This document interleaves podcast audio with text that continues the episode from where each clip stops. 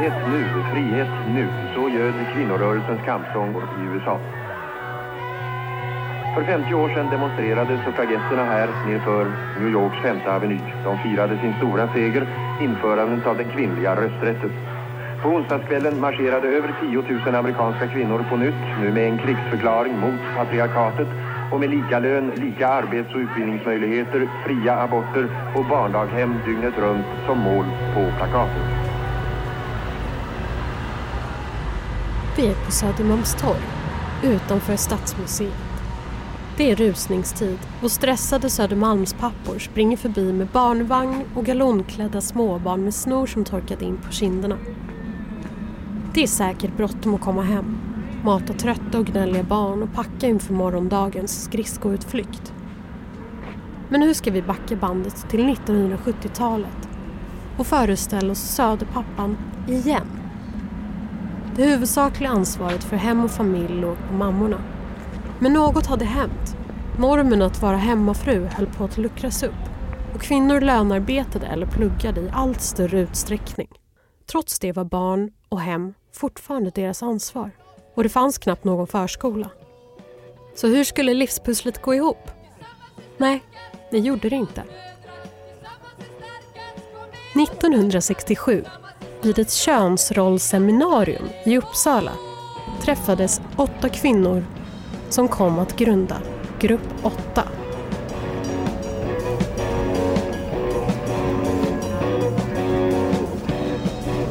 Nämligen Barbro Backberger, Birgitta Bolinder, Gunnel Granlid, Birgitta Svanberg, Greta Sörlin, Ulla Torpe, Anita Theorell och Åsa Åkerstedt. Men bara några år senare kommer medlemsantalet i Grupp 8 öka explosionsartat. Och visste du att precis här, i juni 1970, bakom Stadsmuseets väggar, så samlades över hundra kvinnor som fått nog.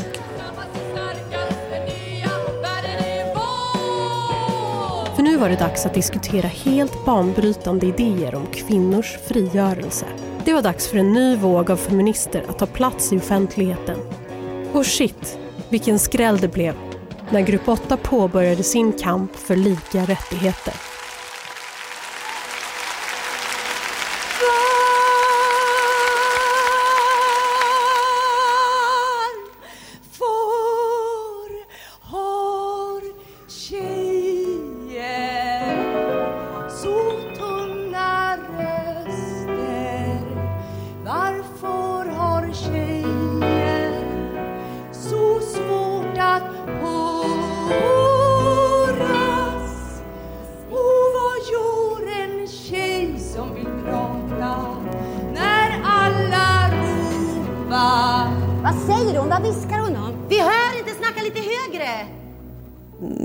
Brukade skoja och säga då att de som var välutbildade och gått på universitetet att vi tar den långa vägen till diskbalja.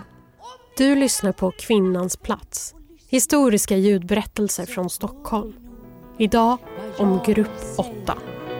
Vilka var Grupp 8 och vad gjorde de?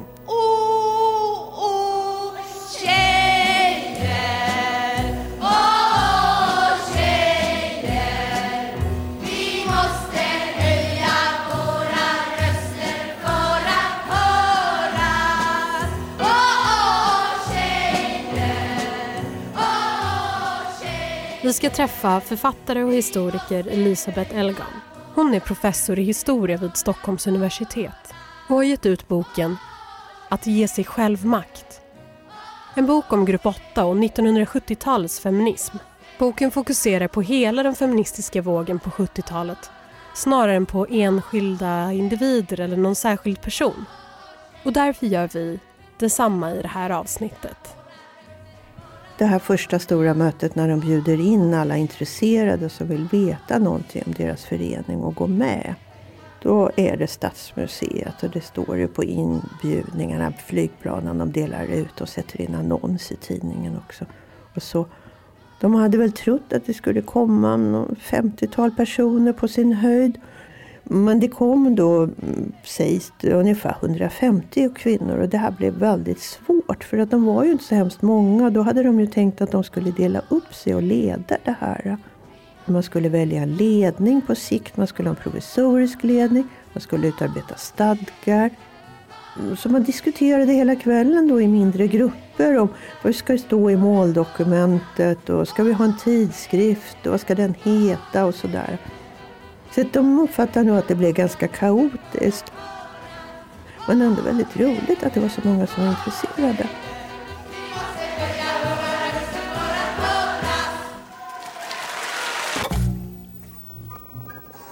Årtiondena efter andra världskriget gick Sverige närmast osannolikt bra. Löner och standard bara steg och det verkade som om samhället kunde ordna allting. Så blir det 1968 och helt andra visor. Vänstervågen var studentrevolt med långa slagord och djupt känd solidaritet med världens förtrampade. Folkhemmet gick inte riktigt att känna igen längre. Samtidigt så är det då ett land som, där många kvinnor är hemmafruar för det uppfattades som något bra. Det är många kvinnor som får slita väldigt mycket med att jobba för att familjen skulle få liksom till, ihop till mat på bordet. Så att när då välståndet blir möjligt efter andra världskriget så uppfattas det av många som något fantastiskt. Och många kvinnor det är självklart att de ska då vara hemma och ta hand om familjen, göra fint för sin man när han kommer hem och, och ta hand om barnen och så. Då blir det viktigt för kvinnor att de ska gifta sig. Då gäller det viktigt att gifta sig och man ska ju se snygg ut och vara attraktiv. Och även om man är hemmafru. Lugnt förflyter husmors dag där hon går i sina dagliga sysslor som en liten spinnande kattunge och tassar runt på lätta fötter bara detta att sätta på en kastrull potatis kan göras till någonting av en konst. Alla saker på rätt plats och nära till hands. Inte ett steg i onödan. Men så blir det någonting gjort också. Nåja, det finns ju husmödrar som har så bråttom att de inte hinner med att hinna med allting bara därför att de är så rädda att inte hinna med. Men väl planerat går arbetet som en dans. Det var ett sånt land och 1970 har, var en fjärdedel av alla kvinnor som levde i Sverige som inte hade någon form av inkomst. Alltså de hade inte a-kassa eller sjukförsäkring eller pension eller lön eller, eller någonting. De hade ingen inkomst. Mm. Det här är siffror som nationalekonomen Anita Nyberg tog fram för några år sedan. Och det betyder alltså att de var helt beroende av någon annan för sin försörjning. Samtidigt så bygger man ut välfärdssektorn det är något som då man tror mycket på Socialdemokraterna, den starka staten, en sektor av service som, som liksom inte är privat. Och där, mycket av det utförs av kommunerna och kommunerna vill gärna ge låga löner. De ser det här som typiska kvinnojobb, lite grann som de säger. Det här med hemtjänsten, det kan väl någon hemmafru sköta lite på fritiden så får hon fickpengar. Och det kan man ju se att lönerna har länge legat och kanske fortfarande gör på fickpengnivå. Utan de sa ju kvinnors rätt till arbete. Nu var det ju inte förbjudet för kvinnor att arbeta men det fanns inte så mycket som kanske underlättade för kvinnor att arbeta. Det var ju också andra kvinnoorganisationer som drev det här. Det var inte bara de radikala grupp 8 som drev de här frågorna.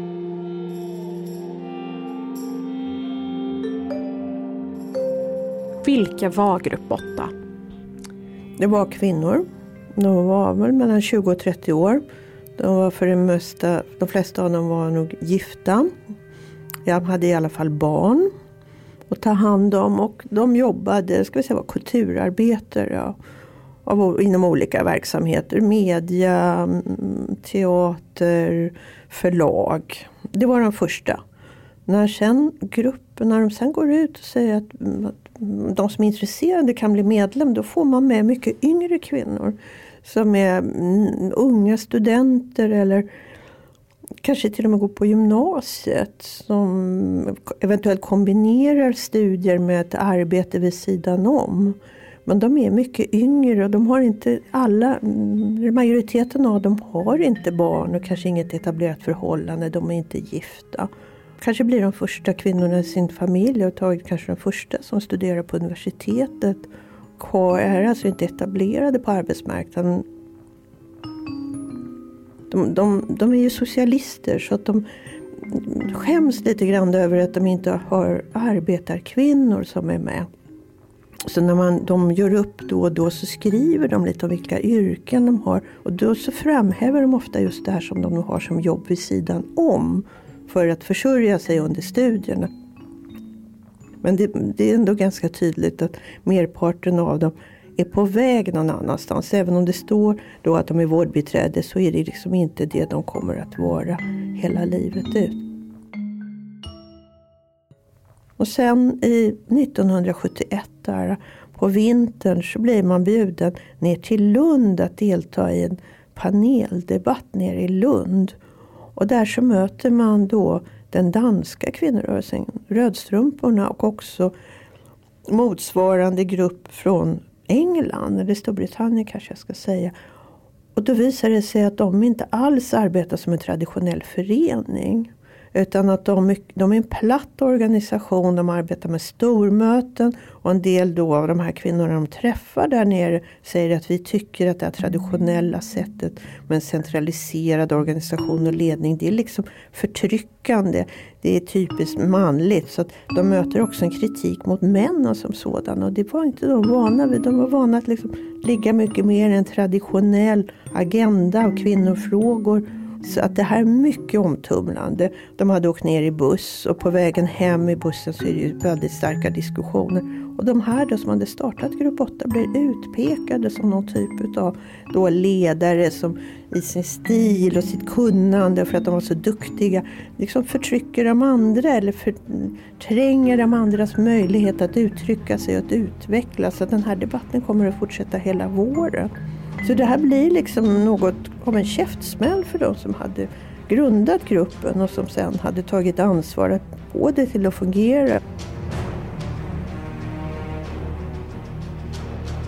Käftsmäll nummer två kommer under sommaren 1971 då de hade bjudit in själva kvinnor med liknande idéer, liknande organisationer som de tyckte sig känna igen sig i från USA, Storbritannien, jag vet inte om det var Nederländerna, Norge som samlas då för en konferens i Stockholm och där blir det också genast en clash då för att Grupp 8 hade ju sagt att män kunde vara med och då möts de av de här organisationerna som säger vi kan inte vara på konferenser, säger de, några av de utländska representanterna. Därför att det är män här och det kan inte vi ha med på våra möten för män kommer alltid att liksom trycka ner oss kvinnor och ta ordet och förklara. Och så. så redan där då så går konferensen i två ungefär samma lokal med två rum då, där är å ena sidan de som inte vill ha med män träffas.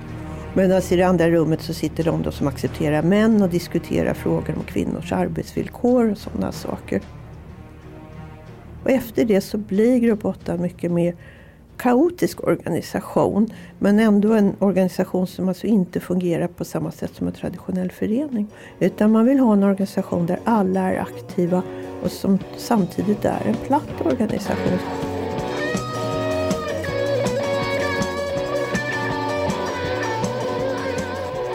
Och de här som grundade drar sig tillbaka mer och mer för att senare mot mitten av 70-talet faktiskt i pressen göra en del utspel och säga att Grupp 8 har spårat ut och blivit manshatare och så.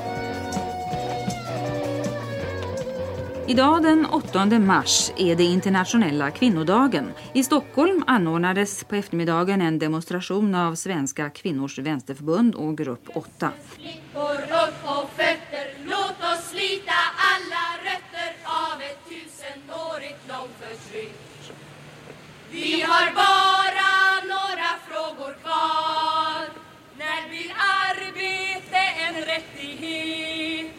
När blir barnen allas angelägenhet? När får vi en ekonomisk jämlikhet? Vid demonstrationen och mötet i Stockholm som alltså arrangerats av Svenska kvinnors vänsterförbund och grupp 8 betonades kampen för socialismen och den internationella solidariteten. Bland de konkreta krav som framfördes var sex timmars arbetsdag med full lön åt alla och bra gratis daghem åt alla barn. Talare vid mötet var Birgitta Lagerström från grupp 8. Bland de kvinnor som lyckats skaffa sig jobb utnyttjas nästan hälften i deltidsarbeten. De får oftast lägre lön och sämre sociala villkor. Men både heltidsarbetande och deltidsarbetande kvinnor har dubbelarbete. Dubbelarbete med huvudansvar för hem och barn leder till en ständig trötthet. En trötthet som kväver ambitioner och utvecklingsmöjligheter. Den kollektiva servicen måste byggas ut. Barnomsorg måste främst vara samhällets ansvar, ett gemensamt ansvar för både män och kvinnor. Bygg bort daghemsbristen. Vi kräver bra och gratis daghem åt alla barn. De undrade alltid vad ska vi göra? Vi gör ingenting. Men om man tittar så efterhand så gjorde de jättemycket. Det handlade mycket om yrkesarbete. Det man menar var en förljugen kvinnobild, alltså en kritik av vad kvinnor skulle förhålla sig underdånigt och försöka behaga män och sådana saker. Det var en del av aktiviteten. Abortfrågan löste sig ju ändå relativt snabbt. Så att där hade man några kampanjer när man klistrade affischer och sånt där. Men frågan var löst visste man efter valet 1973. Så då en viktig fråga som kommer upp och som lyckas ena alla under en period det är ju då man kallar för kampen mot pornografi. För eftersom man var socialister så var det ju viktigt att man liksom samtidigt agerade mot det man kallar för kapitalismen och för kvinnor då. Och då hade man, tyckte man i pornografin hittat en perfekt fiende.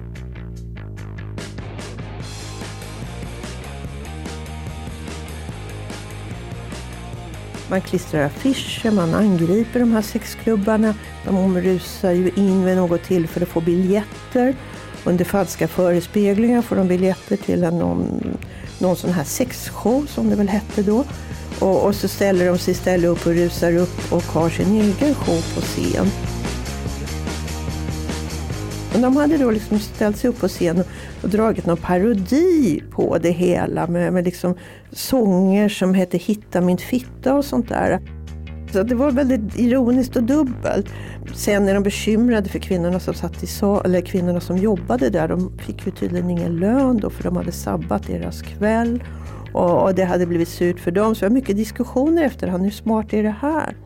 Men det blev mycket kritiserat så efter ett tag så blir det här ett enklare budskap. Man liksom mm, klistrar affischer på mm, sexshopparnas fönster. Man, man vill ta bort det här lite oklara som kunde tydas mångtydiga. Lite det lekfulla, det försvinner samtidigt. Utan det ska liksom vara raka rör, alla ska förstå. Det ska vara enkla budskap. Så att man, det här med att man arbetar mot pornografi, det, det var relativt stort det var en av de stora frågorna i början av 70-talet. Sen kommer frågor om sexuellt våld. kommer att upp i mitten av 70-talet. kommer det bli en stor fråga på grund av en statlig utredning som var tillsatt och som ju föreslog sänkta straff för våldtäkt. Sänkta straff för incest. Pedofili, för man menar att den sexuella revolutionen, det var ju jurister, jag tror det var sju jurister. Bara bara en kvinna som hade gjort utredningen. Den var beställd av regeringen. Och de menar att det har varit en sexuell revolution så alla normer är ju borta. Så vad är en våldtäkt idag? Det går ju inte att veta riktigt. Det kanske räcker med böter för det. Och så. Det här gör Grupp 8 väldigt upprörda. Och alla kvinnoorganisationer som för första gången kanske gör en, går upp till regeringen med en uppvaktning. Där de säger att det här är helt vansinne. Så de lyckas ju att mobilisera och göra en stor kampanj och då kommer frågor om sexuellt våld att bli viktigt för grupp 8. Också frågor om kvinnors möjligheter att älska kvinnor, möjlighet till samkönad sex är en fråga som diskuteras väldigt mycket internt. Man har lite svårt med den därför att man vet inte hur det hänger ihop med klasskampen och kampen för det socialistiska samhället. Det är, samtidigt som man ju då av det här skälet får ta jättemycket skit från de här, vissa av de här socialistiska partierna som ju säger, det vet man ju, homosexualitet är ju en borgerlig, liksom dekadent företeelse. En sund arbetarklass håller inte på med sånt. I Kina så botar man sådana människor och så.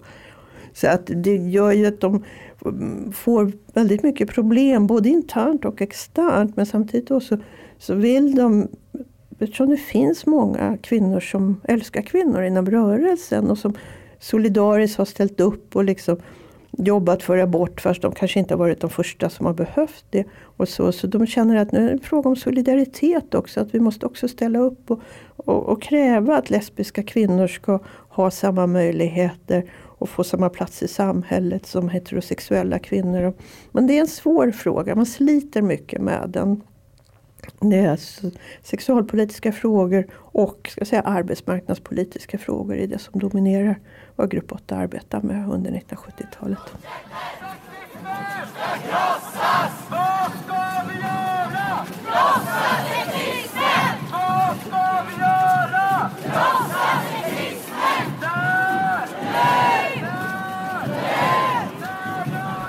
Det man gör som ju blir återkommande det är att man ger internationella kvinnodagen den 8 mars som ursprungligen är alltså en dag för socialistiska kvinnor. Man plockar upp den. Den hade tidigare firats av Socialdemokraterna, kvinnorna där mycket diskret. De kunde firas på våren. Så det var som en soaré. Grupp 8 gör ju det här istället till kampmöten och det gör de tillsammans med Svenska kvinnors vänsterförbund. Redan från början av 70-talet så organiserar man för det mesta ett stort möte och ibland en demonstration. Då när man tittar på bilderna, medierapporteringen, då ser man att de här två organisationerna är väldigt olika. De går inte riktigt i samma demonstration, de har inte riktigt samma plakat. Men de här mötena drar till sig medias uppmärksamhet och blir väldigt omskrivna.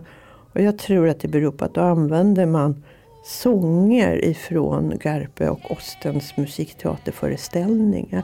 Och man har inte minst den här Vi måste höja våra röster för att höra som ju är en melodi och en text med svung i och som ju precis som metoo har ett subjekt. Vi måste höja våra röster. Det är inte liksom kvinnor, stå upp, gör revolution. Utan det är liksom vi.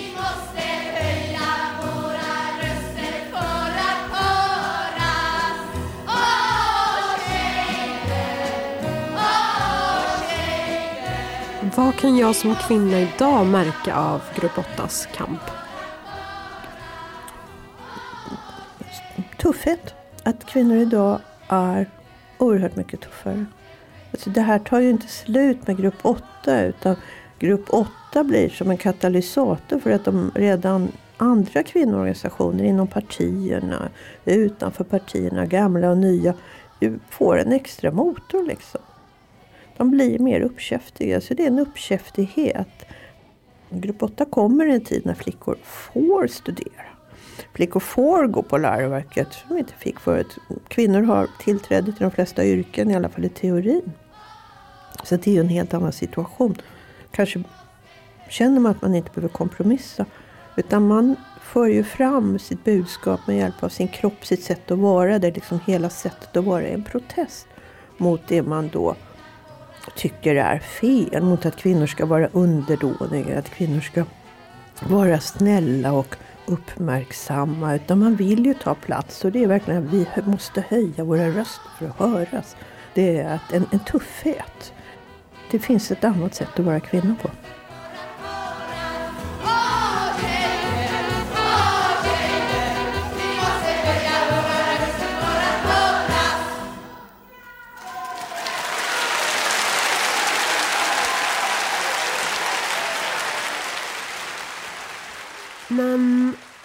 Tror du Grupp 8 hade tänkt om han Södermalmspappan som springer förbi Stadsmuseet och precis har hämtat sina barn på dagis? Vad hade de tänkt om honom? Jag skulle säga det att 1970 så var det nog inte så många män som sprang förbi med en barnvagn efter att ha hämtat barn på barnomsorgen. Och som såg till att barnen hade galonbyxor på sig. Det var nog inte så. Inte bland så många i alla fall. Kanske bland några yngre män, men det var nog få. Tror du Grupp 8 har liksom påverkat att den här killen springer förbi här? Jag tror att det, då är det återigen det här att Grupp 8 pekar på ett, sätt att vara, ett annat sätt att vara kvinna. Att våga vara krävande. Att kunna tänka sig att man som kvinna står på sig, även om man blir kallad för bitch eller så. Man står på sig, man tjatar. Man vill ha jämställdhet, man vill ha förhållanden som är någorlunda jämställda. Man vill att ens barns pappor tar ansvar. Och det tror jag kommer ifrån den här tiden och inte enbart från Grupp 8 utan också från andra organisationer. Men inte minst från den radikalitet som Grupp 8 och liknande grupper framförde i sitt sätt att vara när man just bryter med det här att försöka behaga för det gjorde ju många feminister. Man tänkte vi får igenom våra krav lättare om vi liksom inte stöter oss med alla. Om vi inte uppfattas som aggressiva. Det har alltid varit kritiken ända sedan 1800-talet mot alla feminister. Rabiata manshatare, lesbiska, aggressiva, eh, skäggkvinnor och allt man kunde säga om dem. Så att många feminister försökte ju så tvärtom vara oerhört kvinnliga och verkligen liksom på sitt väna sätt övertala männen och försöka påverka. Men det där är något man bryter med på 70-talet. De här yngre kvinnorna som har vuxit upp under andra villkor. Så det är den här tuffheten, jag tror att den har ju naturligtvis påverkat de män som har velat leva med de här kvinnorna och som har blivit fäder till deras barn har nog fått höra det och också väl efter ett tag, vi pratar om en tid ganska långt tillbaka ändå, så har det här nog internaliserats hos många män. Mm. Som nog säkert också har börjat se fördelarna med det. Hur roligt det är. Och springa med barn i Götgatsbacken, barnvagn. Det regnar och barnen vill inte gå hem och de skriker hela tiden. Det är jättekul kanske inte. Och rullar sig på golvet på, i affären och ska ha godis, kastar av sig kläderna. Ja, det, men det går över.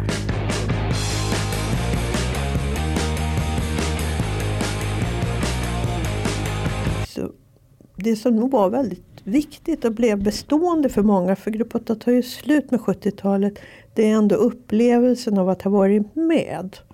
Men den kan se väldigt olika ut för olika personer. Och det tror jag är viktigt att komma ihåg. Jag menar, somliga kände sig upplyfta, tyckte att det var något helt fantastiskt. De var med om, vissa fick stort inflytande, de utvecklades mycket. Så var det också andra som liksom blev besvikna, som droppade av, som kände sig undanskuffade, som tyckte att det var obehagligt. Det gäller inte bara grupp 8 men liknande grupper också som fanns runt om i Sverige. Att det inte är en odelat positiv personlig upplevelse för alla. Det är även om nu idag när man berättar om det så lägger ju många vikt. Och det är först och främst kanske de som har väldigt glada minnen som berättar. Men det är liksom lätt att man inte får glömma bort att det här var ju inte ett självklart och lätt för alla. Stå på väntelista i åratal, inte få vara med. När man väl kommer in så var det kanske inte så kul. Så. Så det finns fler, jag skulle vilja säga att det finns flera olika upplevelser av organisationen. Det är viktigt att komma ihåg. Men ändå, det blev en väldigt slitstark organisation när de här andra ju då mm, socialistiska revolutionära partierna, de blev ju splittringar istället när man inte kunde komma överens. Grupp 8 höll ihop hela 70-talet ut.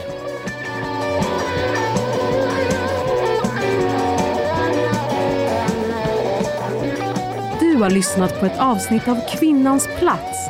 Historiska berättelser från Stockholm. Av Stockholms kvinnohistoriska.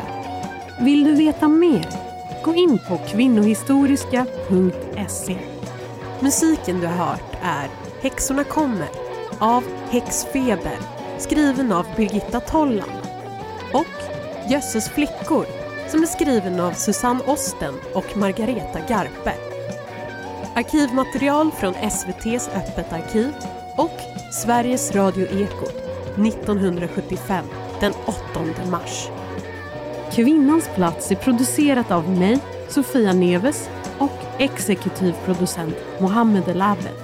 Det här avsnittet är ett samarbete mellan Stadsmuseet i Stockholm och Stockholms kvinnohistoriska producerat av Soundtelling.